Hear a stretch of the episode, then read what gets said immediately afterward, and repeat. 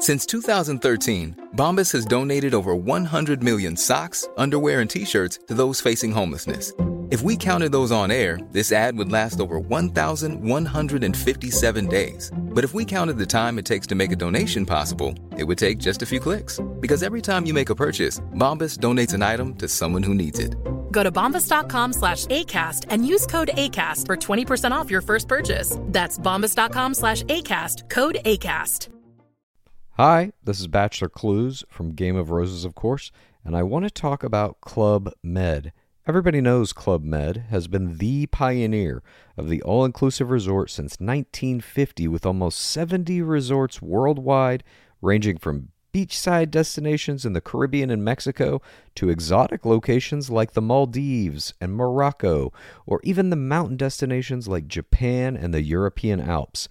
Dine on delicious gourmet cuisine, enjoy more than 20 activities, and make memories with your family. For more information, visit clubmed.us or call 1 800 Club Med or your travel advisor.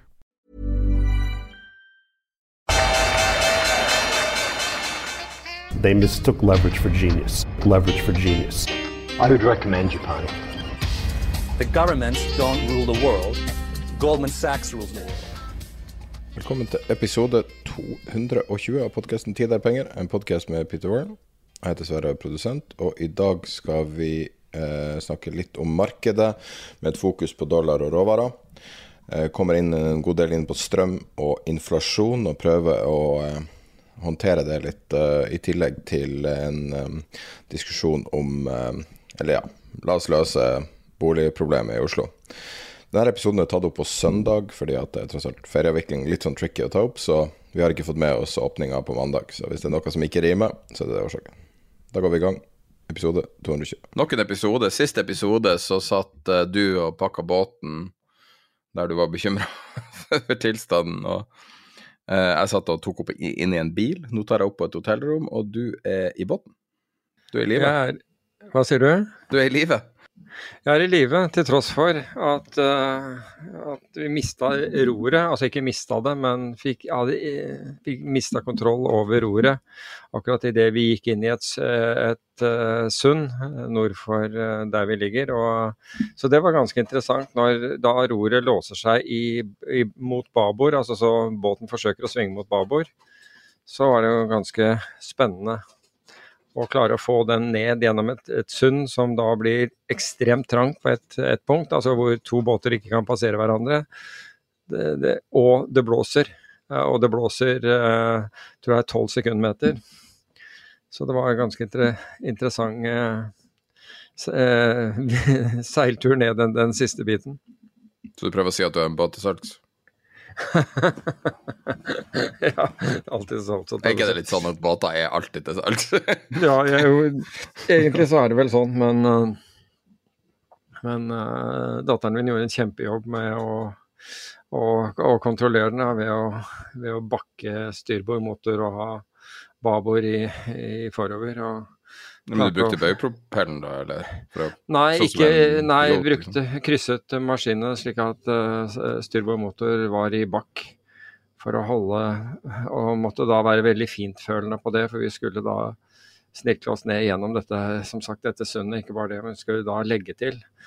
Og fikk, fikk de det, da bruker de selvfølgelig baugpropell, men, på- men vi la oss til longside til å begynne med, fordi de var mer glad for å i det hele tatt få tau i land og få fortøyd. Men så, etter et par timer, eh, for de hadde tatt da gått inn på en, en, en privat plass og tenkte at eh, vedkommende og det, kunne jo dukke opp på natta for alt man visste og, og ville ha plassen. Som rimelig ville være, så flyttet da båten og, og bakket da inn i en, en annen sånn eh, på en- båtplass i, i 12 sekundmeter crossvind uten ror. Det var også da, da kom det mange til, for å si det på den måten, for å, for å assistere hvis det der gikk eh, galt. Og en kar det, gjorde klar en gummibåt og lå standby i tilfelle de måtte enten taue eller skyve eller gjøre et eller annet for at eh, det her skulle gå bra. Men det, det gikk greit inn, altså. det kan være grav, tror jeg, hvis det var Kaja som sto med roret. Det her er jo fantastisk livslærdom. Ja, det var det også. Det var noen som, som, hadde Når de så at det var hun som, uh, som, tok, som kom ned, nedover For jeg spurte henne om uh, Det var hun som, uh, som sto til rors fra, fra, Oslo. Jeg spurte henne om hun, om hun, ønsket å ta den videre ned Sund, eller om jeg skulle gjøre det. Og da sa hun nei, hun følte hun hadde kontroll. Hun hadde det. Så mens jeg ordnet fendere og tauverk og alt mulig, løp rundt og, og fikset det, så så gjorde hun jobben, altså virkelig. Så det er en vanvittig mestringsfølelse, det der. Altså, fordi det er, det er, mange tonn på avveie hvis det først begynner å gå gærent, og når det blåser så kraftig som det gjør. Nå blåser det 21 sekundmeter i øyeblikket, så det er ikke tamt, for å si det på den måten. Hvor er du ligger? Eller det vil du kanskje ikke si, men sånn cirka ligger du? Uh, hva skal jeg si, da? Uh, uh, det er Bare én da? ja. Det er, det er, Ytre Oslofjord, for å si det på den måten. Det er litt spesiell uh, situasjon nå, for vi, vi, på en måte har ikke en helt sånn obvious ting å snakke om utover markedet. Så først kan vi snakke om markedet, så får vi se litt hvor samtalen spinner, tror jeg. Ja, jeg syns det var for så vidt en del Det er en del morsomme ting, altså, eller interessante, gjerne ting som vi kan snakke om som fra, fra forrige uke. Men hvis vi begynner med, eh, med, med markedet, så ble det jo liksom litt atypisk. For i det siste så har, jo, har det jo stort sett vært enten Uh, enten så har liksom kryptosfæren, altså da tenker jeg ikke på kryptovalutaen direkte, men selskapet forbundet med det, eller AI vært på, øh, vært på topp, som det har vært ganske lenge nå. og Ellers så har det vært eller Ellers så har, det vært energi, da, og da tenker jeg på gass og sånt, for det har svingt voldsomt i, i naturgass. Men denne gangen var, det ikke, var faktisk aksjer.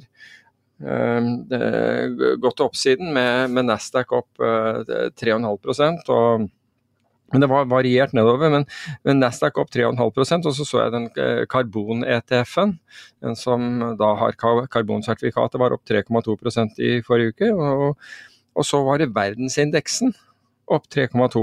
Og det, det, er jo en solid eh, bevegelse på den. Mens Oslo Børs var opp 0,17 og er opp ca. 1% på året, så er verdensindeksen for aksjer opp 16 Nå kan man begynne å liksom sånn lure, fordi så, i, i, veldig mange år har vi, har vi, vært vant til at Oslo Børs har vært en sånn høybeta-børs.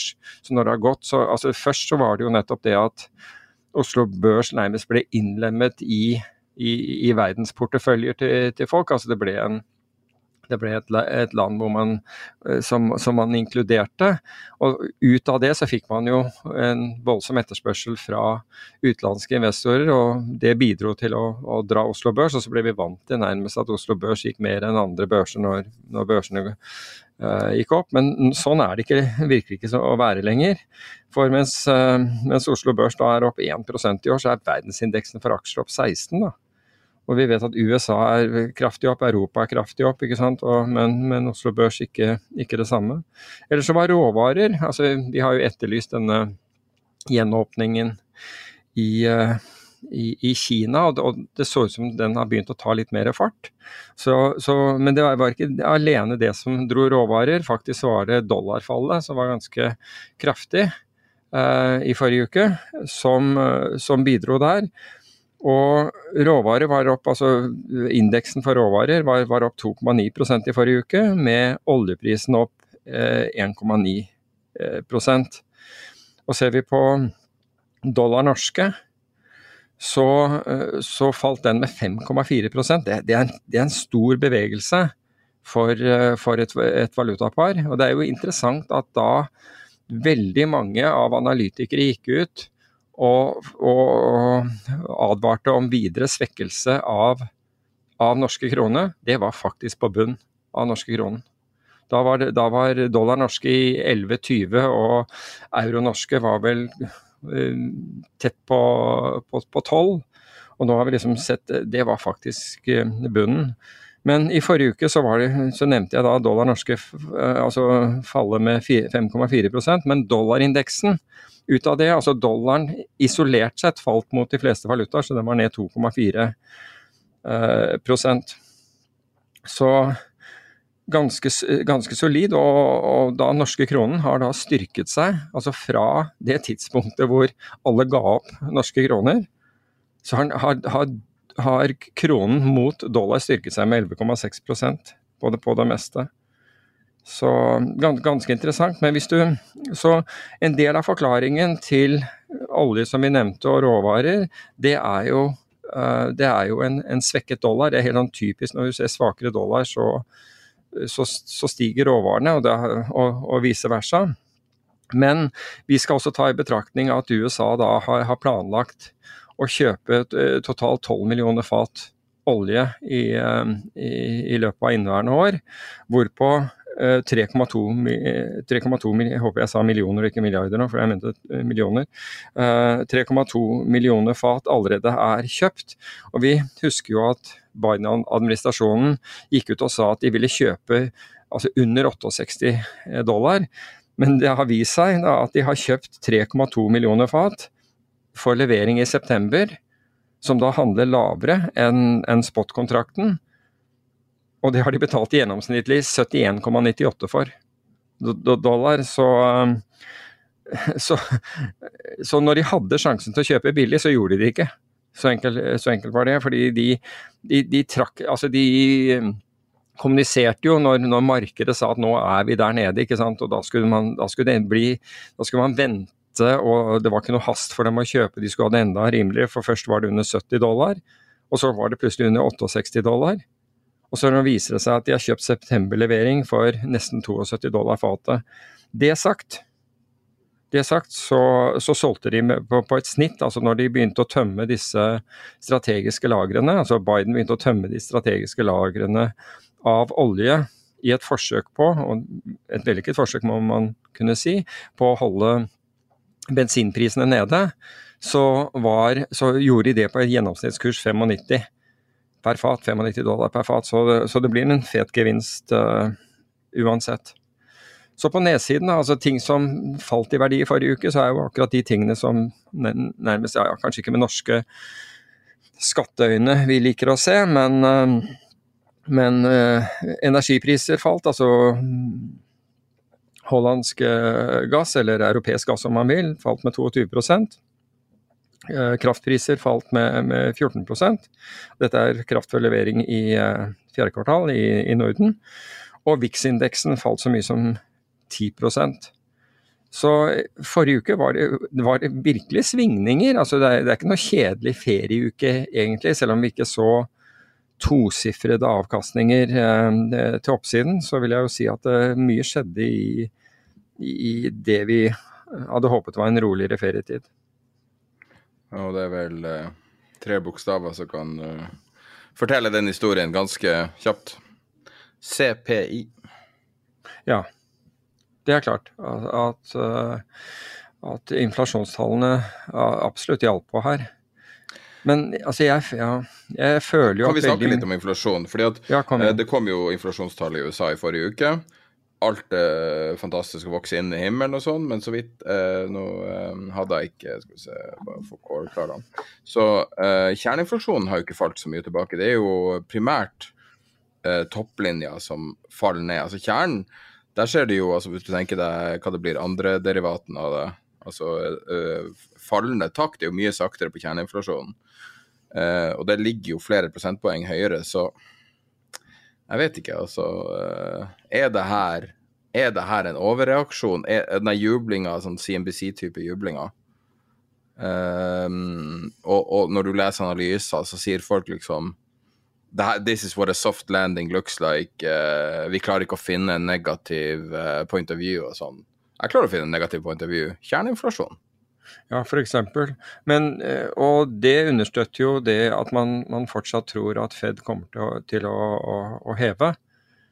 Men jeg, jeg, føler jo at, at det ellers, altså det, det, vi ser i inflasjonen ellers, egentlig følger det scenarioet som, som, som, vi har vært opptatt av og har trodd på, og som for så vidt altså Vi er på ingen måte den eneste som rentekurvene um, også ref, reflekterer selv om du, du har skift i, selvfølgelig skift i rentekurven, så har ikke fasongen på rentekurven endret seg Når jeg snakker om rentekurven, så mener jeg eh, rent, Rentekurven er da alt fra de aller korteste rentene, månedsrente, tremånederrenter osv., helt ut til 30-årsrenter, bare så Uh, bare for å forklare det. Og Jeg syns ikke fasongen på rentekurven har, har, endret seg. Så vi har ikke fått noen store endringer i, uh, i, i så måte. Så, så, du kan si at, det, at inflasjon er jo, er jo Ikke bare er inflasjon sticky, men er, den er ikke lett å, å manage. Altså du, du, skal være veldig hardhåndet. Og da tenker jeg med, med, med finanspolitikken, rentevåpenet. Dersom du skal, du skal forsøke å å kontrollere inflasjon på noen måte. Jeg, jeg vet ikke om du, du klarer det da heller. Altså, da skal du være virkelig på. Og det vet vi at det er sånn politisk også motvilje mot å, å være. og det, Av den samme årsak at man brukte altfor lang tid på å innse at en enorm pengetrykking, som i seg selv er inflatorisk? En, en enorm pengetrykking, eh, det tok tid før det virkelig virket på, på økonomien, og da eh, unnskyld, på inflasjonen. Og da den virket på inflasjonen, så hadde det tatt såpass lang tid at man ikke trodde på den. Til tross for at man fikk stadig bekreftelser på at nå, var, nå hadde det snudd. Nå, nå, eh, nå, var inflasjonen It was rearing its ugly head. Um, så gjorde man ingenting. Og så plutselig så innser man at dette her er ikke transitory, hatebegrepet, men en annen sak. Har du noen andre punkter på, på inflasjon? Nei, det, det, er jo, men det er jo det store spørsmålet. Altså, det er jo, vi har jo en gjest denne uka sannsynligvis som vi skal snakke litt mer om, eh, om eh, deflasjon. Mm. Og, og det, det, høres jo helt surrealistisk ut å begynne å snakke om det når vi nettopp har en hel verden, en hel finansverden har hyla og skrekka with their hair on fire det siste året pga. inflasjonen. Og det sekundet det snur, så begynner folk å si oh, nå kommer inflasjon, nei, deflasjon. Uh, men det interessante er at det er ikke helt nødvendig at deflasjon da vil være like mye positivt som inflasjon var negativt. Uh, nei, ikke, ikke det hele tatt. Nei, nei, nei, nei, ikke i det hele tatt. Snarere tvert imot, kanskje? Ja, ja, ja. ja, ja. Altså, deflasjon har vel aldri vært uh, ansett som, uh, som, uh, som, positivt, tror jeg. I hvert fall ikke av noe særlig art. Men, men det, det, er, det, er, jo interessant det som skjer, og det er jo veldig spesielt akkurat denne weekenden her. Um, fordi vi har ikke bare negative strømpriser, men vi har, jeg tror det er i NO1 og 2, så er den vel 85 øre eller noe sånt noe i minus. Hvordan beregner du moms på det? det får du da 1,25 jeg, jeg, bare lurer. Liksom, følger man da opp med 1,25 ganger det, så, så, så, så, skal du ha igjen moms? alle sammen må momsregistrere seg, hver privatperson. For det er jo så utrolig lett å levere momsoppgaven. Alle vet jo det som er næringslivet. Nei, så det er, det er, litt sånn interessant, men, eh, men jeg syns jo at uh, Men hvordan foregår det i praksis? Hvordan foregår det når du får penger for å bruke strøm? Hvem er det som får de pengene? Ja, du kan si at Normalt sett så får du aldri penger fordi vi har jo delt, uh, delt uh, strømkostnadene dine i to. ikke sant? Det ene er hva du betaler for strøm, det andre er nettleie. Men denne gangen her så overgår det nettleien også. Vet du hva nettleie er for noe? Er det for å betale for infrastrukturen ja. uh, og vedlikehold av den? Ja, det, det er det Hvorfor det skal Hvorfor er det separert? Jo, for da kunne de ta, ta mer betalt for det, ikke sant.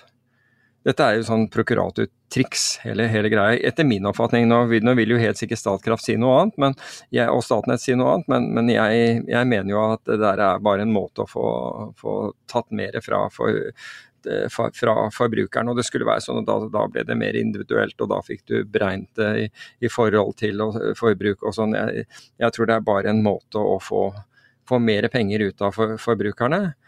Men nå, så du kan si at over måneden så vil du ikke gå i, eh, så vil ikke strømprisen være negativ, ikke sant? så dette vil da bare redusere strømregningen din. Um, og, så, så, det blir interessant uh, å, å, se videre, fordi dette skaper det, det, det, skaper en del eh, en, del problemer og en del, del, utfordringer. Ikke det at vi, vi, i øyeblikket har det, men skulle du nå, skulle du nå få større Altså over lengre tid, så, så, vil det jo være en helt ny situasjon. Og dette vil jo ikke være en bra situasjon for Eh, for, for Norge dersom eh, ingen vil, ingen vil, ha strømmen vår. Men i og med altså Nå har vi en sånn spesiell situasjon denne helgen. Vi har hatt helg, helger med, med, noen få øre, i hvert fall i løpet av noen timer i noen helger. Uh, I hvert fall for NO1 og NO2.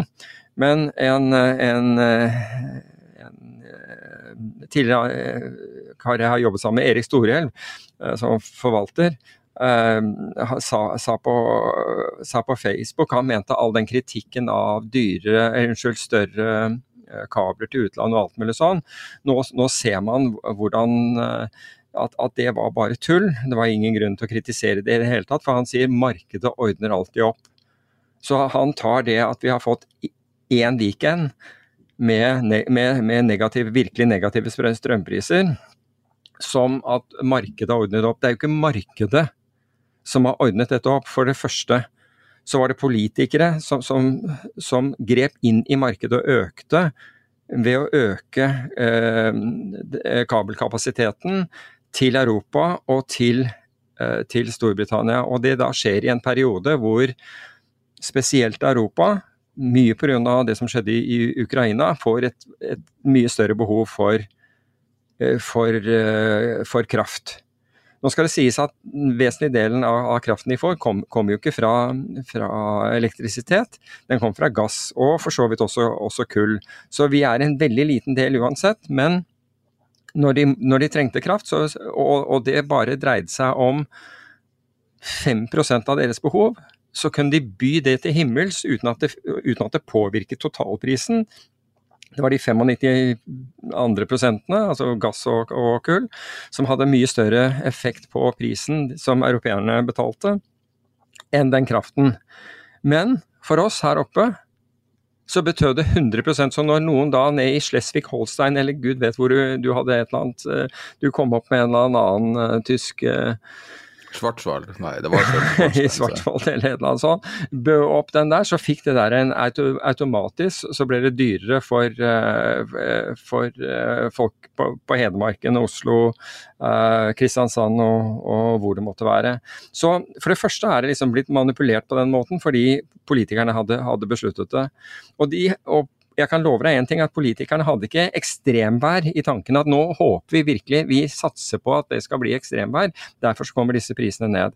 Punkt én. Så man har Det, det er jo en, en om du, kall, om du, kan kalle det altså en form for intervensjon i markedet som, har, som, ga den enorme etterspørselsmuligheten, altså at Norge kunne da eksportere dette ut, og har eksportert i monn i utgangspunktet. Og det endret balansen.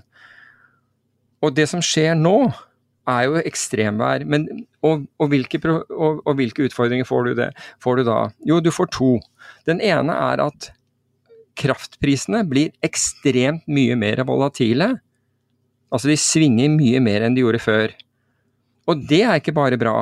Fordi du kan si at Hvis du prøver å ha et jevnt forbruk nå, blir du oppfordret til, til, å øke forbruket ditt. selvfølgelig. Det har jo folk sagt hele tiden, at du skal øke forbruket når prisen er lav. Det er jo egentlig for å spare penger. Men nå, får du en veldig, nå, nå er det ikke Nå er dette bestemt plutselig av vær. Et værfenomen som treffer oss i, i øyeblikket. Og de som da, og det var mange, for bedriftene fikk jo beskjed om at de skulle jo sikre seg med langsiktige kontrakter. Det var det bedriftene. Man ville ikke hjelpe Svindyre langsiktige kontrakter. Svindyre langsiktige eh, kontrakter fikk de beskjed om å gjøre, fordi myndighetene ville ikke hjelpe dem, til tross for at det var myndighetene som hadde gjort at det ble plutselig ekstremt kostbart. Så ville ikke myndighetene hjelpe næringslivet på den måten. Det var, det var noe som næringslivet hadde ansvar for. Så nå har man da kjøpt da, for å få en form for forutsigbarhet i prisen, så har man da kjøpt kraft for levering f.eks. i de neste to-tre årene. Det som er utfordringen da, ditt forbruk som uh, som bedrift, er som regel ikke uniformt. Med andre ord, du bruker ikke like mange kilowatt-timer i løpet av et døgn, eller i løpet av en uke, i løpet av en måned. ikke sant? Det er Noen måneder bruker du mer, andre ikke, osv. Og, så videre, og, no, og det er visse tider på dagen du bruker mer, og visse tider du bruker mindre. Problemet nå er jo at med de kontraktene, som da du sier, og som var dyre på, på det tidspunktet, så må de nå selge dette, fordi du kan ikke, du, du kan ikke De får ikke lagret denne strømmen, slik at de kan bare beholde den. Og nå, nå, nå, vil vi ikke, nå har vi strøm, nå setter vi bare den der på batterier, og så bruker vi den i desember isteden. Nei, det får du ikke gjort. Du er nødt til å selge den tilbake igjen til markedet til negativ pris. Så det er ikke det at du liksom går i null, den, den blir negativ. Så du må betale for å kvitte deg med strømmen.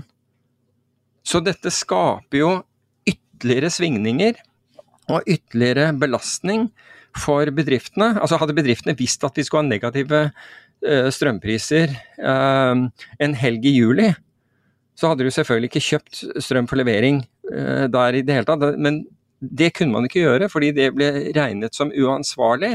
Og Hvis bedriften din gikk over ende som følge av det, så ville, ikke, så ville ikke myndighetene hjelpe deg whatsoever. Så nå har du nå har du plutselig fått en forretningsmessig risiko som du kanskje ikke hadde da du startet bedriften. Altså da, da, hadde du liksom stabile strømpriser, og det var på en måte forutsetningen for det du, det du, det du gjorde. Nå har vi fått ekstremsvingninger i strøm, strømprisene som gjør at liksom bedrifter må, må sitte og, og ha folk som eventuelt kan handle kraft for dem, i et forsøk på å minimere tap. Også kjent som utrolig billige folk å finne krafthandleeksperter. Det er sikkert utrolig billig å ansette. Ja, i hvert fall når du hører om milliardbonuser og, og sånt noe i, i, i, Danmark. Lykke til med den. Men altså, nå så jeg for øvrig at man bruker AI. At det er noen av disse de mest, eh, mest eh, aktive krafttraderne som har begynt å bruke AI. Bl.a. På, på værprognoser og værfenomener og den type ting for å forutsi Eh, for, forutsi prisutvikling. Så du kan si at vi har skapt noe her. Altså vi har gitt næringslivet utfordringer og økonomiske belastninger som de ikke hadde fra, fra, før.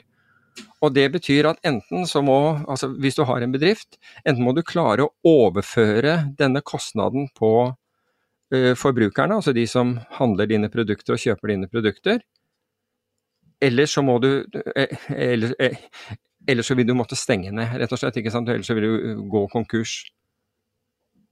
Så den ene ikke sant, Det er uh, between a rock and a hard, hard, place. ikke sant? Enten er det forbrukerne som får, får um, til slutt får, får, uh, må betale for dette, eller så forsvinner bedriften. Jeg vil nesten fraråde folk fra å etablere bedrifter i Norge. Ja, det er, jo, det er jo, allerede folk som har, har gjort, altså som sier at det, det, det gjør det ikke. Av, du, kan ikke eh, du kan ikke drive under sånne her forhold. Det finnes mange land i verden.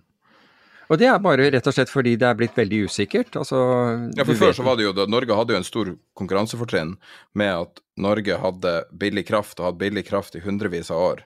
Jeg var nå eh, på en tur i eh, Jeg er på hytta til, sammen med mine foreldre, og, eh, så var vi og så litt på området. Og da kom jeg over en eh, utrolig gammel sånn vannkraftstasjon som drev ei mølle. Og der ser du jo liksom på en måte Der ser du Norge et nøtteskall. ikke sant? Du ser noen treplanker og, og en sånn uh, stein som går rundt av et eller annet slag som er drevet av vannkraften. Altså Vannkraften er jo noe av det norskeste som finnes. Vi har masse fjell, og det er heldigvis masse vann på toppen av fjellene, sånn at det er utrolig lett å få kraft. Det er det store, store konkurransefortrinnet for Norge alltid har hatt. Og nå har vi energiunderskudd i Norge, fordi at vi skipper så mye ut. Vi har ikke nok energi. Og det er jo et, et mye verre problem å deale med, at man ikke har nok strøm, for da må du jo basically kjøpe kullkraft fra Europa. Det er jo det du ender opp med. Og så er det, det er jo liksom sånn at vi sender på en måte til, tilsynelatende ren olje ut av landet, og så lar vi andre gjøre den skitne raffineringsprosessen, og så henter vi inn liksom, tilsynelatende ren bensin. Men vi slipper den vanvittig forurensende prosessen, for det lar vi russerne drive med. Eller det lar vi eh, nederlenderne drive med. Og så eh, sier vi å, vi har så ren energi, og alt er så fantastisk, og vi er med på europeiske toppmøter og alt mulig, men vi skipper ut så mye energi at vi ender opp med å måtte importere tilbake kullkraft og belaste hele systemet. Og vi har jo energikrevende eh, Nei, vi har jo industri som er energikrevende på grunn av, derf, altså på grunn av den uh, fordelaktige situasjonen. Og nå har vi, nå vi havna i en situasjon nå der eh, man ikke kan si det lenger. Norge er akkurat like skittent som andre land fordi at vi må importere den skitne energien. Og, og, fremfor alt så har vi ustabile rammevilkår. ikke sant? Altså det, det har også en, en negativ innvirkning. Og, men apropos det med energi, det skjer i en tid hvor veldig mye eh, tyder på at vi vil få et, en stor økning i, i hvert fall i eh, behov for, for strøm. Ta f.eks. AI, altså det behovet du har der for, å, altså for, for, eh, for, datakraft, som da går på strøm. Uh, så gjør vi det ekstra vanskelig uh, for, for, oss selv, og ekstra vanskelig for å etablere noe i Norge, fordi du har så usikre rammevilkår. Men det er klart at da, Du kan si at hvis du driver innen, innen den bransjen, så er du ikke avhengig av Norge på noen som helst måte. Du kan dra og etablere i hvilket land du vil. Så jeg bare stod og sett mens, mens du snakka nå, så slo det meg at jeg, hadde ikke inflasjonstallene foran meg når jeg begynte å snakke om Og på det, på det så havner jeg på, mens du snakka, så havner jeg på White House si side over inflasjon. Og da så jeg en ting som eh, jeg ikke har hørt noen snakke om. Så når du ser på fallende Altså du ser på Eh, tre ting. Eh, om det er inflasjon eller om det er deflasjon. Og så ser du at det, det er egg, eh, flybilletter og gasoline, altså bensin. Og så, og så ser du at øh, bensin begynte å falle i midten av 2022, bensinprisen. Og så går det ca. et taktslag, så begynner airfare å falle. Altså Det er jo typisk at uh, bensin og flybensin følger hverandre relativt tett. Og, og, du får et uh, Du ser liksom forplantninga av det, og så har du eggeprisen. Altså, jeg vet ikke akkurat hvorfor eggene Jeg tror ikke noen vet, forstår helt akkurat hvorfor egg steg så mye. Men det som er problemet her, er jo at hvis du ser tilbake på tømminga av de strategiske oljereservene, så ser du jo at i 2021-2022 så ble de tømt progressivt eh, ned til det laveste nivået siden eh, Ja, siden jeg ble født, 1982. Eh, og det er jo en På grunn av at det er en marginal kjøper, så vil jo det ha en veldig stor påvirkning på prisen. Det er en unaturlig kjøper, det er ikke en naturlig kjøper av eller selger av olje. Um, så det kan jo bety at det her, at alle jubler over at inflasjonen faller, kanskje litt kortsiktig. For hvis USA må kjøpe tilbake, får vi ikke en komplett reversering av det her. Og vil ikke da de her store deflasjonerende driverne nå, som er bensin og fly, som Whitehouse sjøl påpeker, burde ikke det drive opp headline CPI-tallet i høst? Jo, altså du, du, så jo det i forrige uke, at, at råvareprisene steg jo mer enn det, det, dollaren svekket seg. Men du skjønner hva jeg sier, ikke sant? At, ja. at uh, for, er ikke det en helt naturlig reversering når man kjøper tilbake? Jo. Fordi du er en marginal kjøper i stedet for å være en marginal selger. Jo, og, og du kan si at det inntreffer jo samtidig med at, at uh, Kina endelig må vi si, altså Det er ikke det at ikke Kina har kommet i gang etter covid, men det har kommet mye saktere i gang enn det vi trodde, altså økonomien og landet uh, generelt, fordi man har, holdt, man har drevet fortsatt nedstengninger eh, om, om, regionalt og lokalt. Men, men, nå ser det faktisk ut til at, man, man, åpner opp, og det skjer samtidig med Eh, med at eh, USA som jeg nevnte tidligere, eh, sier at de skal i hvert fall kjøpe tilbake 12 millioner fat i år. så når, da vil jo den marginale kjøperen selvfølgelig, altså nå har man allerede betalt mer enn det man sa man ville gjøre for den oljen som man har kjøpt, og nå er jo oljeprisen gått enda høyere enn da, da de gjorde det forrige kjøpet. Så det er klart at alt er med på å drive, det er helt klart. Hvorfor må de kjøpe olje tilbake, egentlig?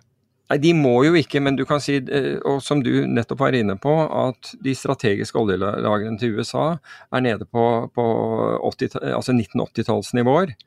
Ca. 350 og, millioner fat. Ja, nettopp. ikke sant. Og USA er jo ikke et land altså med, med den infrastrukturen som, som, USA har med eh, det, det, militære systemet. De, har, de, kan ikke ha strategiske lagre der nede. Altså de, de, trenger å etterfylle disse strategiske lagrene. Det tror jeg alle er, altså alle er politisk eh, enige om. Altså begge, sider, altså begge partier, og jeg har ikke hørt om no, noen politikere der som har gjort annet enn å påpeke at nå er de lave. Men so what, liksom?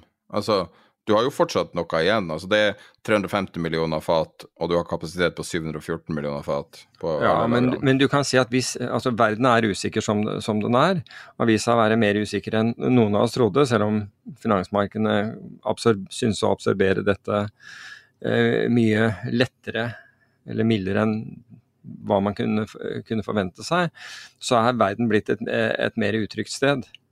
Men hva den bruker strategi... Det er det jeg mener. Hva den bruker strategi... For det er jo Er det råolje, eller er det bensin? Det er råolje. Nei, det er, det er råolje. Så jeg kan ikke bruke det direkte uansett?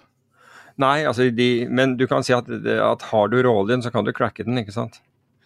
Men, kan, men, men, men har du ikke råoljen, så spiller det ingen rolle. Men det var jo altså Det her er jo grunnlagt i 75, liksom. Så altså, jeg tenker bare Det er valg om litt over et år. Få ting eh, har en amerikansk president kontroll over mer som kan påvirke sin framtid enn de strategiske oljereservene. Fordi at du kan basically påvirke eh, prisen på pumpa, som igjen direkte korrelerer med om du er populær eller ikke som president. Ja, ja, du, du, kan si at eh, dersom oljeprisen nå stiger vesentlig, så vil man få enten dårlig tid, eller så eh, vil man prøve å finne unnskyldninger på hvorfor man ikke skal gjøre det, tenker jeg. Men, men Trump har jo også vært klar på at han, var, eh, at han var tydelig negativ til den nedtappingen av, av oljelagrene. Men altså, du, du, kan si du har strategiske oljelagre der, nettopp av strategiske grunner. Så har du tappet ned de, og du har tappet ned de, de faktisk ned i en periode hvor verden har blitt mer usikker. Det er jo på en måte en selvmotsigelse i seg selv at du har drevet med. Um, og det er klart at du da har et behov for å få dette her eh, på stell igjen. Men de kommersielle oljelagrene, altså det som er eid av ikke staten, er ganske høy over 450 millioner fat. Ligger sånn rett under piken. Så, så, det um, Jeg vet ikke. Det er interessant. Uh, jeg, jeg, tror det her er viktigere enn vi kanskje gir det credit for. For uh, hele denne sulamitten her. For hvis det er det som driver ned inflasjonen nå, at man på en måte klarer å holde oljen lav, kunstig lav, så hvis du ser på Saudi sin reaksjon på alt som har skjedd, og, og den konflikten som har bygd, bygd seg opp mellom USA og Saudi-Arabia, så er jo det It makes sense, liksom. Ja. Det er, altså både Saudi og, og, og, Tyrkia har jo utnyttet denne situasjonen, altså som, som, den pågående situasjonen nå. Så det blir jo spennende. Altså USA har nok et behov også for å, for å markere seg her.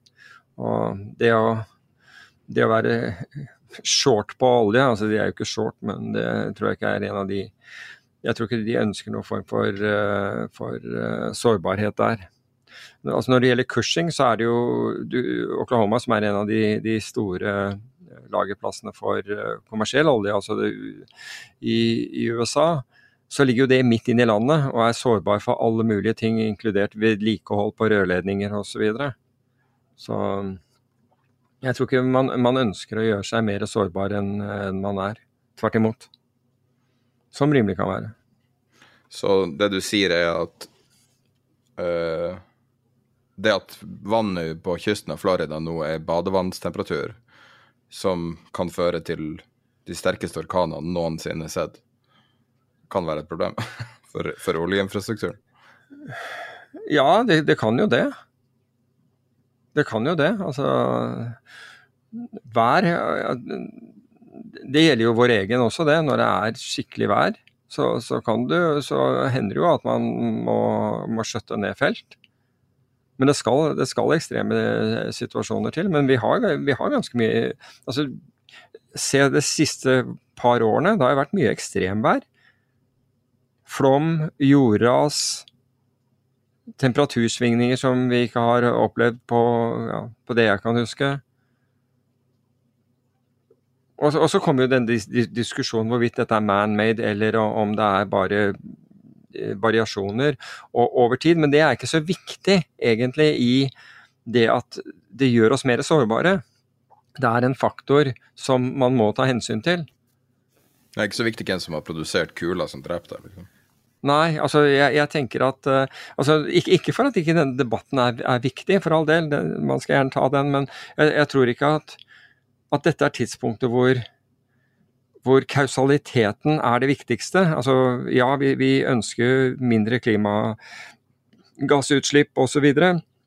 Helt, helt klart, men, men nå er det en situasjon hvor vi må tenke på hva gjør vi i situasjonen vi, vi befinner oss i i øyeblikket, og hvordan håndterer vi den? Jeg, bare, det, jeg har så lyst til å være optimist. Herregud, jeg har lyst til å være optimist.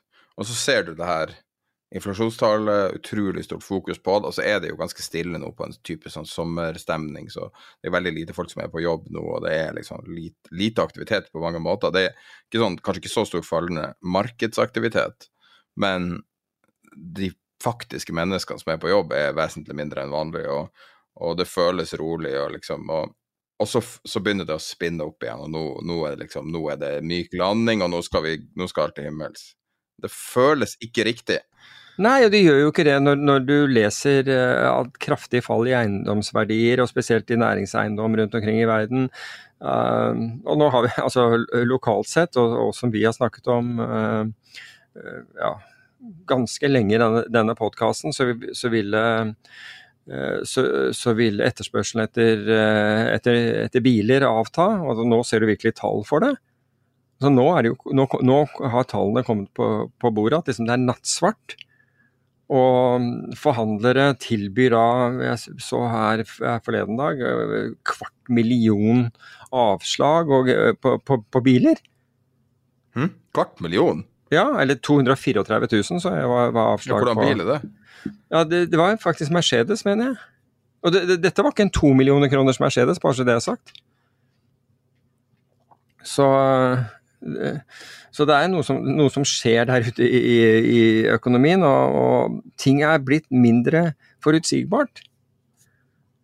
Og det, og det, er ikke altså Delvis er jo det, er, er jo det uh, menneskeskapt, at det, at det, er blitt det. Delvis er liksom det som skjer i økonomiene generelt, men det er også menneskeskapt ved, ved at man har endret på skattesystemer og økt avgifter i, akkurat i en periode hvor dette her blir mest sårbart.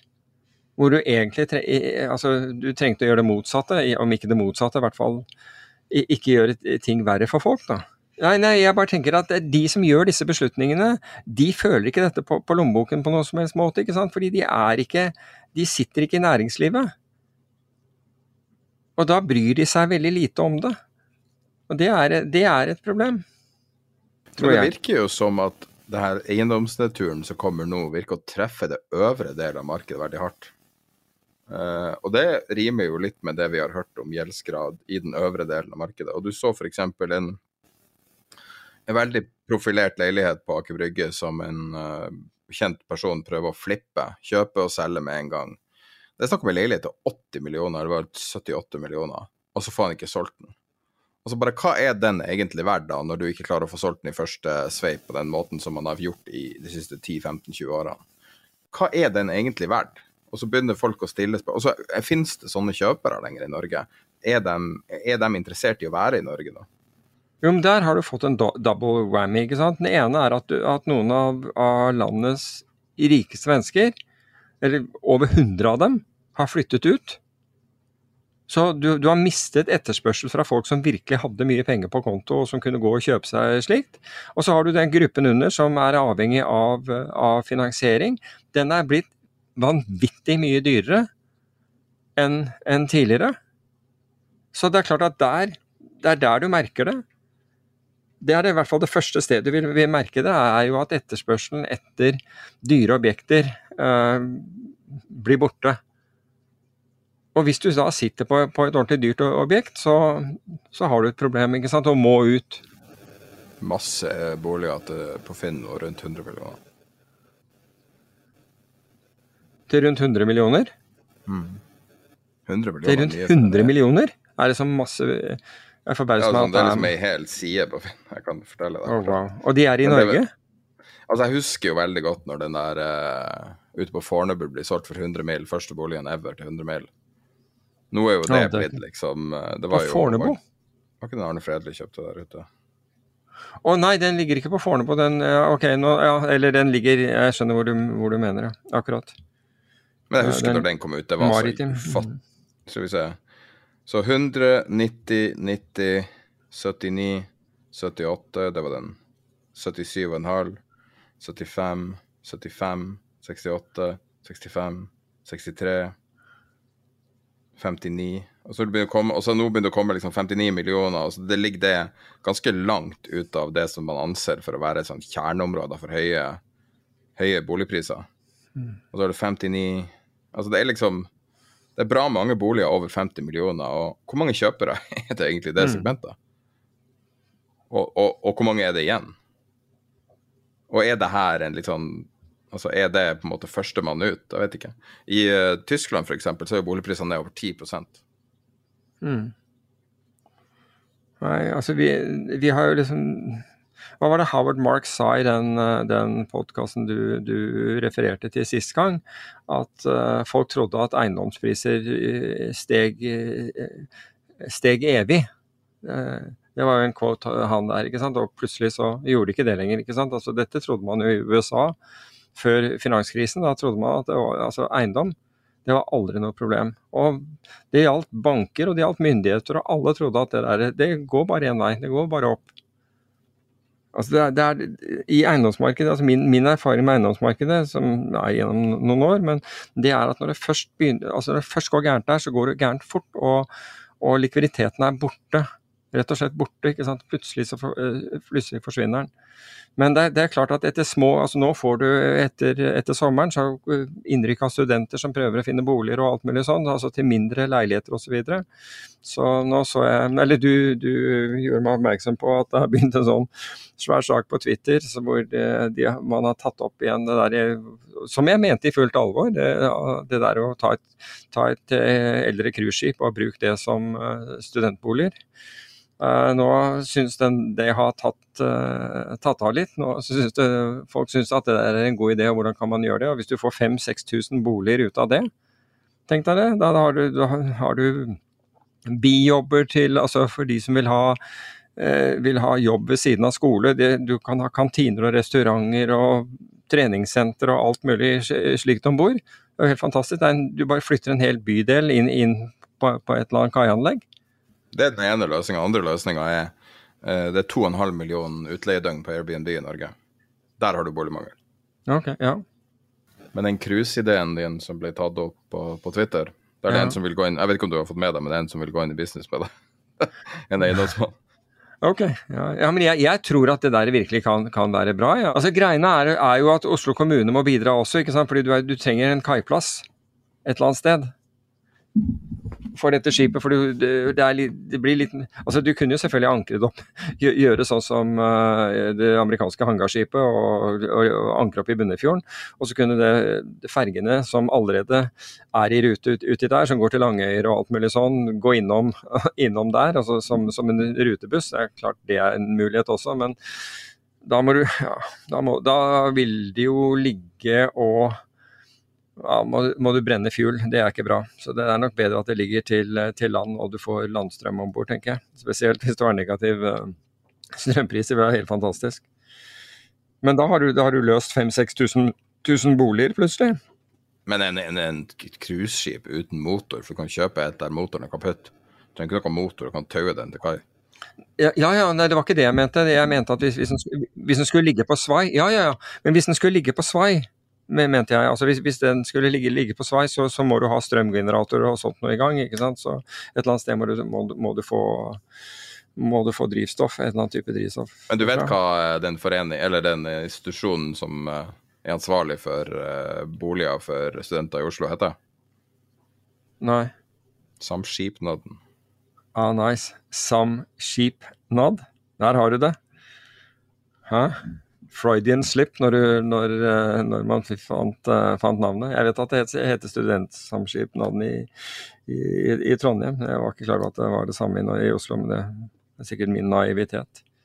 For øvrig, for øvrig så var det interessant at uh, det, det, dette fra E24, der var det noen som mente at, at man ikke forsto prismekanismen for, for, for matvarer.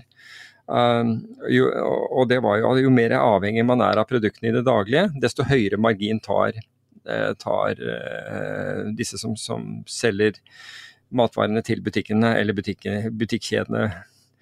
Um, og jeg tenkte at altså, du mer avhengig av det er, uh, du er, det høyere pris. Er ikke det helt identisk med, med, med narkotika? Så de prises på en måte etter, etter samme mekanisme? Og begge har høye tollmurer som skal sørge for liten konkurranse. Bare slo meg at det der var ganske identisk. You know what happened sånn... to the price of cocaine after 9-11? Nei, jeg vet ikke hva som skjedde. Hva skjedde?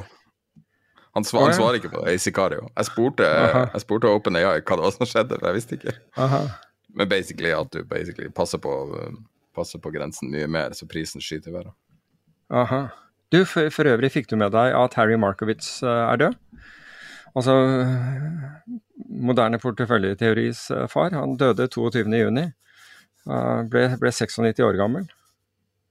Det var jo, var jo en trist nyhet, men, men, han har gjort mye for, at, for å, å, hjelpe investorer og pensjonskasser og alle andre til å, til å få mer stabilitet altså, og mer robuste porteføljer viste jo det at en, eh, at en portefølje bestående av altså tilsvarende verdensindeksen var, var, å foretrekke fremfor eh, nærmest fremfor alt annet. ikke sant? Det, vil alltid være land som ut, utpeker seg. altså Tyskland kan gå sterkt en periode, og Norge og Indonesia og USA og osv. Men over tid så klarer du liksom ikke å, er du ikke i stand til å å plukke disse her. Det er ingen som outperformer eh, kontinuerlig, så du er better off med en, eh, med en diversifisert eh, portefølje. Det er jo altså det er en selvsagthet på mange måter i dag, men jeg tror ikke det var det da, da, han, da han, begynte å, å, å, å, snakke om dette her. Det er også en grunn til at han fikk nobelprisen i 1990, da. men det var jo trist å høre at han var var død. Så altså For øvrig så det, det mye, var en del sånne interessante ting som, som skjedde uh, her. Det ene som jeg fikk med meg i forrige uke, det var at fire dager etter, at, etter innstramming i bruk av private aktører i barnevern, klarte ikke staten å overholde sine forpliktelser om å, å måtte be private om å øke kapasiteten igjen. Ok, det er liksom sånn derre sånn, sånn, er det når staten tar over. Altså de, de, ønsker å tvinge ut de private aktørene, og gjør det. Og så innser de at de har ikke, de har ikke infrastrukturen til å, håndtere, til å, håndtere, det selv. Og må be de private aktørene om å overta igjen. Sånt er, sånt er skremmende, altså, syns jeg. Altså hadde du gjort det der i det private næringslivet, så tror jeg noen hadde måttet gå. For det der høres kostbart ut for meg. Men det er kanskje ikke sånn i staten. Du Det virker ikke på den måten. Så jeg vet ikke. Jeg er litt distrahert nå, for jeg prøver å finne på navn til uh, Samskipnad-skipet. uh, og så tenkte jeg det skulle være SS Samskipnad. Men så visste jeg ikke hva SS sto for. Det viste seg at SS betyr steamship. Det visste jeg ikke. Ja, det visste jeg. På norsk er det DS, da. Okay. Så jeg, jeg ville, man kunne kanskje ha kalt det HB. Det er hvalbåt. Eller oh, oh, oh, SKS! Samskipnad. Det må det hete. Det er skoleskip. Skole... Ok. Ja, der har du det. Er det, er det skoleskip, så, så, har du sikkert en egen kategori på eh, på um, på havneavgifter òg, for alt jeg vet. Så hva vet jeg. Eller hva tror du? Det kan godt hende at det er det. Det her er altfor enkel løsning til at det her kommer til å skje. Ingen kommer til å tillate det her. Kan du tenke deg? Du, Hvis vi skal ta litt, sånn litt av hvert. Så du dette og, som BBC hadde avslørt om, om Twitter Blue? For Twitter Blue skal jo være sånn, sånn verifiserte konti, ikke sant?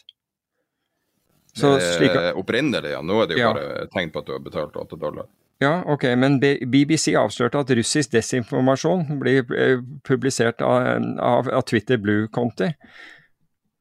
Så eh, bildet av amerikansk våpen gitt til Ukraina, men påstått videresolgt til kriminelle i Frankrike, var tatt i 2012 på en våpenmesse i Russland. Ganske interessant. Det jeg er mest overraskende med russisk kontrapropaganda, er hvor gjennomskuebart det er. Nå selvfølgelig kan det jo være at det er bare det dumme man, man klarer å gjennomskue, men de har laga masse falske videoer og alt mulig. Og, altså Man har jo hørt om de her eh, de her trollfarmene til Russland. Russland hadde så mye Alle var så smart, og Putin var et sånn 4D-sjakkgeni. Og, og alt var helt briljant. Og så ser du når de skal bløffe, så er det liksom helt obvious at det er løgn.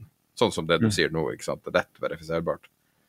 Eh, kanskje Russland er fullt av idioter, og at det ikke er noe farlig. At de her trollfarmene er bare tull, og, og at det ikke påvirker valget i USA f.eks. i det hele tatt. Som er sannsynlig. Nei, det tror jeg ikke er veldig, veldig sannsynlig. For det, det slo vel FBI fast uten Og den, den etterforskningen slo da fast ut Der var det ingen tvil om at, var, at man hadde forsøkt At russerne hadde forsøkt å, å, eller hadde å påvirke valget. Det man ikke fant bevis for, var at, at Trump var delaktig i det. Men at det var, var russisk påvirkningsoperasjon for å få Trump valgt som president, det var det, var, det var det ingen tvil om. Nei. Men poenget mitt er at de kanskje ikke er så smart som man har trodd de var. Men sa ikke Trump på scenen at ba ikke han russerne hacke Hillary Clinton eller et eller annet sånt? Nei, det vet jeg ikke. Jeg tror han sa det på en scene. Ja. Når han drev og var kritisk til FBI og CIA og sånn. Men uh, jeg husker. Så Oda ble det krisa ned sist uke, så du det? Kraftig ned av sin egen Oda, altså det som heter Ja, jeg så det. Det så jeg. kolonial.no. Det er jo ikke akkurat sånn For det her er jo en superseriøs eier de har. Det her er jo Det her er ikke spekulanter de har som storeier. Um, så jeg vet ikke. Når Kinnevik ser at Ja, var det, eh, ja, det var Kinnevik, jeg skulle akkurat til å si det, var det ikke Kinn... Mente at uh, var verdt uh, det halve av men, jeg, men var det halve av siste, siste emisjon, eller halve av liksom topprisen den hadde? Fordi hvis det er halve av siste emisjon, så betyr det jo at selskapet har falt mer. En god del mer. 44% ned siden første kvartal, 55% ned siden årsskiftet. Ja, men allikevel så mener jeg at det er, det er mer ned fra toppen. Betydelig mer ned, ned fra toppen, men så jeg var litt usikker på Ja, toppen var jo ikke med årsskiftet, det må jo være i fjor. Nei, det er det, det er det jeg mener. Det er det jeg mener. Så at, at det har falt kraftig siden det. Men eh, for øvrig, altså, har, har du hørt om Strava? Altså Strava, det er ja, ikke sant, hvor, som recorder da, hvor du er, og folk da legger ut øh, øh, treningsrunder, og hvor de har vært på ski, eller hvor de har løpt eller syklet eller noe sånt. Du, du kjenner til det? Mm. Dess, dessverre så var det en russisk ubåtkaptein, Stanislav Rushitski. Den russiske ubåtkapteinen som da visstnok skal ha, ha skutt missiler eller raketter mot sivile mål i Ukraina. Han var i Russland og var på joggetur, og han, hadde, han la ut da ruten sin på, på Strava. Det viste seg han fulgte den samme ruten. En dag så er det en kar med en Makarov-pistol som, som pumper fire skudd i og tar livet av han. Og de mente at måten vedkommende eh, vi visste hvor, eh, hvor han befant seg, var at han hadde publisert ruten sin på Strava.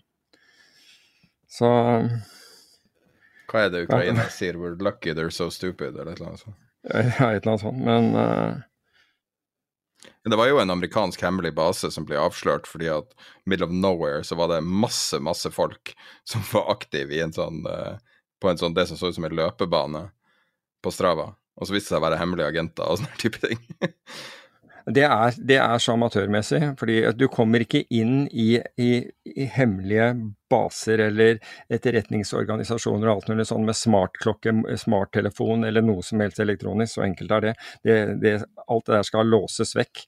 Ja, du sier det, men justisministeren hadde noe TikTok på telefonen sin som basically er åpen linje inn. Ja, jeg vet, altså, jeg, vet, jeg vet ikke om hun da gikk inn i, i inn, Jeg tror ikke at hun fikk adgang til PST-bygget med den telefonen på seg, altså for å si det på den måten. Så da tror jeg det ble, ble, den ble låst vekk. At du får ikke bruke noe. Altså, og hvis du skal inn i et, i et sånt uh, sikkert rom, altså det er absolutt zero ting.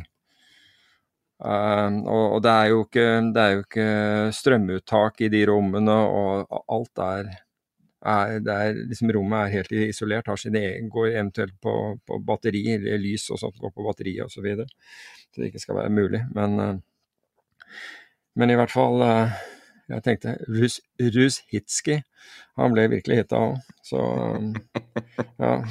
Men du husker Harald Eide Steen som var sånn ubåtkaptein? Ja, husker, husker du ikke det? Ja, da, jeg ser det for meg. Ja, så, så det, var, det, det var en mindre, mindre, seriøs utgang på den, eh, riktignok, men eh. Hva du tror russerne gjør på, på havbunnen utenfor Norge? Tror du det ligger eksplosiver der? Tror du det ligger eksplosiver på diverse kabler på havbunnen? Helt umulig å vite. Men hvorfor ellers skal de ligge og sirkle over hvis de ikke gjør noe på havbunnen? Ja, du kan bare spekulere. Altså, det kan jo være lytteting eller noe sånt noe som Altså, hvis man har vært nede av en eller annen grunn, så kan det være lytte på fiber? Jeg, uh, jeg vet ikke om uh, Det er jeg ikke sikker på, for å være ærlig, om, om du kan eller ikke. Hvorfor skulle du ikke kunne? Men skal vi uh, bare hoppe fort tilbake til været? I Florida nå så trakk en stor et stor forsikringsselskap seg ut i eh, eh, Om det var forrige uke, tror jeg. Men det er jo et kommersielt selskap. Farmers Insurance, et ganske stort selskap. Det er den fjerde store forsikringsselskapet som forlater som forlater Florida fordi at eh, altså regnestykket går ikke opp lenger. det er nesten uninsurable for eiendommer i Florida. Virkelig? Altså, ja. altså, Du vil jo tro nå som så mange flytter til, til, til, Florida, det er klart at du får veldig konsentrert hvis du forsikrer mange eiendommer i, i, i, i samme område, det er jeg helt enig i, men uh, du vil jo tro at det ville tiltrekke seg flere forsikringsselskaper og, og muligheten for å spre dette her på, på andre områder osv. Men, men en ting er å tiltrekke seg folk, det andre er å få dem til å bli. Det første dagen der Miami er totalt oversvømt, og tror du folk begynner å tenke på å flytte tilbake da? Nei, men har Miami noen gang vært oversvømt? Det som ofte har skjedd, det er jo at uh, de hurricanene som har kommet oppover, de har jo uh, wrecked havoc i, uh, i Karibien. Og så har de og, og, jeg husker ikke om noen Jo, jeg mener at noen av kiene har fått uh, juling òg. Fordi du har jo kiene som, går, som begynner på Key Largo og går ned til Key West. Men jeg mener at det har, at det har vært lite av det i Miami. Og, men har, jeg vet at det har vært flom Var ikke det nord for Miami? Ja? Et stykke nord for Miami og lenger opp i Florida, men jeg tror ikke det har vært sånn landfall. Men, men husker du ikke da vi, vi, hadde jo en sending fra Miami i år da jeg var på den konferansen. Da, ja, riktig, og da var det jo da var det vær, altså. Da var det skikkelig vær der en stund. Det, det, det bråkte så du skulle tro det var et godstog som gikk forbi på utsiden av, av hotellet. Det var, det var vind, altså. Så. Jeg mener å huske at det var oversvømmelse i Naples og i Fort Myers, men jeg er ikke helt sikker. Det kan helt være. syd, men, men, det er jo tingen at det ligger veldig utsatt, det ligger veldig lavt. Og mm. Eh, når du hører alt den snakken om vann som er i vanntemperatur i år, så um, hvis man er på jakt etter uh, potensielle black swans, så må jo det i hvert fall være noe man vurderer. Uansett hva man tenker um, om, uh, om, den diskusjonen om hva som forårsaker ditt og datt. Man snakker jo også utelukkende om været, ikke om klima. Mm. Ja. Um, nei, det, det, er bare så rart, fordi at sånn som nå, når jeg snakker med familie og venner om, om været, så er det jo godt nytt når det regner, og dårlig nytt når det er varmt. Fordi at mm. det er så varmt. Og det har jeg aldri opplevd før. Nei, i Nord-Norge er nok det ganske sjeldent. Jeg er enig i det. Så det skal visst være kjøligere i neste uke, i hvert fall her nede. Jeg vet ikke hvordan det er eh, der, der du befinner deg. Men uh, det skal, om det, jeg tror ikke det blir kaldt her, men det skal i hvert fall være kjøligere og, og overskyet. Det blåser så det holder altså, her, uh, her hvor jeg befinner meg. og jeg, jeg har vært ute i dag med, med, med hunden, og det, det, er, det røsker, altså. Det er helt, helt ordentlig. Men uh... Ellers så er um, willingness for å låne til bankkunder, hvis du ser bort ifra den dippen under covid, som var veldig kort, og så hvis du ser bort fra finanskrisen, så må du tilbake til 1980 for å være på så lav willingness. Så det har vært litt lavere i finanskrisa, som er en relevant sammenligning. Til å låne Bank, ut penger? For å låne penger til, uh, til consumers. Ja, altså bankenes villighet til å låne ut penger? Den, det forkortes med SLOOS, slus. Men, men, men, det er det du sier her, ikke sant? Altså ja, bankene har vært mindre villige? Deutsche. Okay. Ja, altså utlånsvilligheten. Akkurat uh, senior loan offer Senior Loan Officer, Officer Opinion Survey. Ja, nettopp. Å oh, ja, ok. Og sånt har jo ofte en, en betydning for, for, likviditet. Men uh, det reflekteres jo ikke akkurat i aksjemarkedet, da, som i hvert fall var, var oppe i forrige uke. Kan vi runde av på et tema som jeg vet du er interessert i?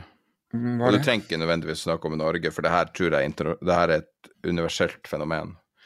Når du ser på Goldman-tallene, du ser på JP Morgan-tall, mm. det går jævlig bra og det går litt sånn out of character-bra, for når ting kanskje butter, så bruker jo ofte bankene å slite, men dem går så det suser over hele linja. Hva er dealen? Hva er det som skjer? Nei, altså jeg tror ja at uh, som i Norge, så utnytter de uh, de høyere, høye rentene og klarer å få, få makset ut det, i hvert fall de som har vært dyktige. Nå ser vi bort fra Silicon Valley Bank og, og de som, som lånte kort og pla plasserte langt og, og sliter.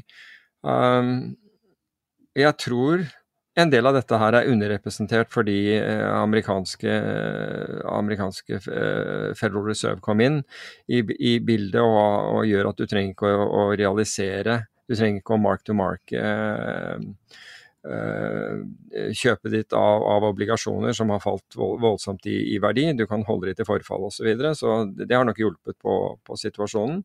Men det er, altså, du kan si at høyere renter har jo som regel vært gunstig for, for eh, banker. Og, og, noen av dem er, er, er flinke og har, har, klart å utnytte dette her, og spesielt på trading-siden, for bl.a. Goldman og, og, JP Morgan og disse har klart å utnytte på, på den siden. Um, det er, det er, for Norges del så jo, er det jo rentedifferansen som, som, DNB har klarer å melke for alt det er verdt. Samtidig så, være, så er jeg imponert over DNB Markets, fordi selv om de har, har en stor markedsavdeling, så har jeg, altså, så har jeg følt at de, eh, de private eh, meglerforetakene på en måte har ligget lenger fremme, men jeg tror ikke det, altså, det, er nok jeg som har sovet litt i timen her. fordi DNB er blitt en ordentlig kraft når det gjelder å være en investeringsbank også. Jeg tror, altså jeg har hatt noe kontakt med, med, med, med markets i, eh, i, i, DNB. Jeg må si at de er, de er utrolig profesjonelle. Altså, så er du sarkastisk nå, eller mener du det? Nei, jeg, nei, jeg, jeg, jeg er ikke, nei, er ikke sarkastisk, sarkastisk. Altså, tidligere så har jeg vært sånn oppgitt fordi det, var, det, har vært sånn ekstremt høye marginer. ikke sant? Du du ville ikke handle der fordi de, de, tok høyere marginer, bredere spredder og alt mulig sånn. Men er, altså, jeg oppfatter ikke at det er at Jeg oppfatter de har skjerpet seg voldsomt uh, på, på det området og blitt vesentlig mer profesjonelle. Så, så no, noe har skjedd som de på en måte fortjener honnør for i, i markedsdelen av, uh, av, DNB. Og så har, da, har de da tydeligvis klart å monetize det at de er den største banken, og forhindret liksom, ikke forhindret sånn fysisk på, på noen som uh, helst måte, men klart å tilby da de kundene øh, gode alternativer til å, til å gå til, øh, til, til, andre banker. Så jeg, jeg, vil jo si at her har man gjort en, en, en, en ordentlig jobb. Så jeg, jeg, er ikke sarkastisk nå, altså. Se, se på inntektene til Markets nå. Og, og, og de, de, siste gangene jeg, jeg har, uh, har, handlet med dem, så har det ikke vært det derre at, at, du bare liksom Du forstår ikke hva du handler fordi spreddene har vært så, så vide i det hele tatt. Det har vært, uh, det har vært helt fair at market-type uh, priser. Så jeg tror at at der har man gjort en ordentlig altså i, For meg, da, i det stille, i og med at jeg ikke har, har oppfattet dette så godt underveis, eh, en, en, ordentlig innsats for å få dette her uh, opp å stå. Så, så, så, jeg er ikke sarka, sarka, sarkastisk nå. Så, så det, det, skal de ha. Altså fair er fair, syns jeg. For øvrig, jeg, jeg, fikk du med deg uh, at uh, Wall Street Journal uh, skrev altså bare helt, helt, på slutten, altså Wall Street Journal skrev om Mike Milken. De kalte han The Bond King, men det var The Junk Bond King for all del. Mm, altså, Bond King er jo uh, Det er jo det er Bill Gross, ikke sant? Ja. Så men han er blitt 77 år gammel, og du kan si at det, dette er en kar som satt inne. Altså, han ble jo satt inn Visste du at han i 1987 tjente 550 millioner dollar i Drexel? Og så smalt det, ikke sant, og så ble han satt inn. Og så fikk han kreft da han satt inn, og så ble han benådet etter 22 måneder av, uh, av Trump. Det er merkelig i, i, seg selv, for så vidt. Og, og det var han Rudy Giuliani som, uh, som, trykket på for at han skulle bli uh, For at han skulle bli pardon. Hva heter det på norsk? Benåda. Ja, sorry. Benådet. Jesus, der står det litt stille. Men og, og, siden så, så, har han bygget seg opp en, en voldsom, uh, voldsom, formue, men han har gitt bort 1,5 milliard dollar, han og kona, til charitable causes. Det er ikke dårlig. Mm. Og han uh, avla fram den figuren som er mest kjent for å representere 80-tallets grådighet. Gordon Gekko er direkte basert på han. Ja, uh, Gordon Gekko var delvis han, og, del, og delvis uh, han som var i uh, han fikk seg en ordentlig smell når eh, Hindenburg gikk short selskapet. Carl Icahn. Ja, men det var en tredje kar også, tror jeg. Men jeg husker ikke hvem den tredje var. Men uh, jeg tror det var primært Michael Milken det var basert på. Ja, det, det er men det mulig, men Det er jo rikinga på, på 80-tallet. Hva sier du? Ja, det, det, kan være. Men, uh, men Ivan i hvert fall Ivan Boski var det. Ivan, sorry, du var helt riktig. Det var Ivan Boski. Ivan Boski var, uh, var Ja, for det var han som hadde talen fordi at han hadde talen For det er jo Greedy Good-talen er i Ja, riktig. I, uh, men det, den talen Imabowski hadde, var vel Greedy's Right. Det er mulig, men det var Ivan Bowski og ikke, ikke Carl Icahn. Du, du, har helt rett, det var Ivan Bowski. Ja, men det var, det var, jeg tror det var tre. Jeg tror det var Carl Icahn som nummer tre.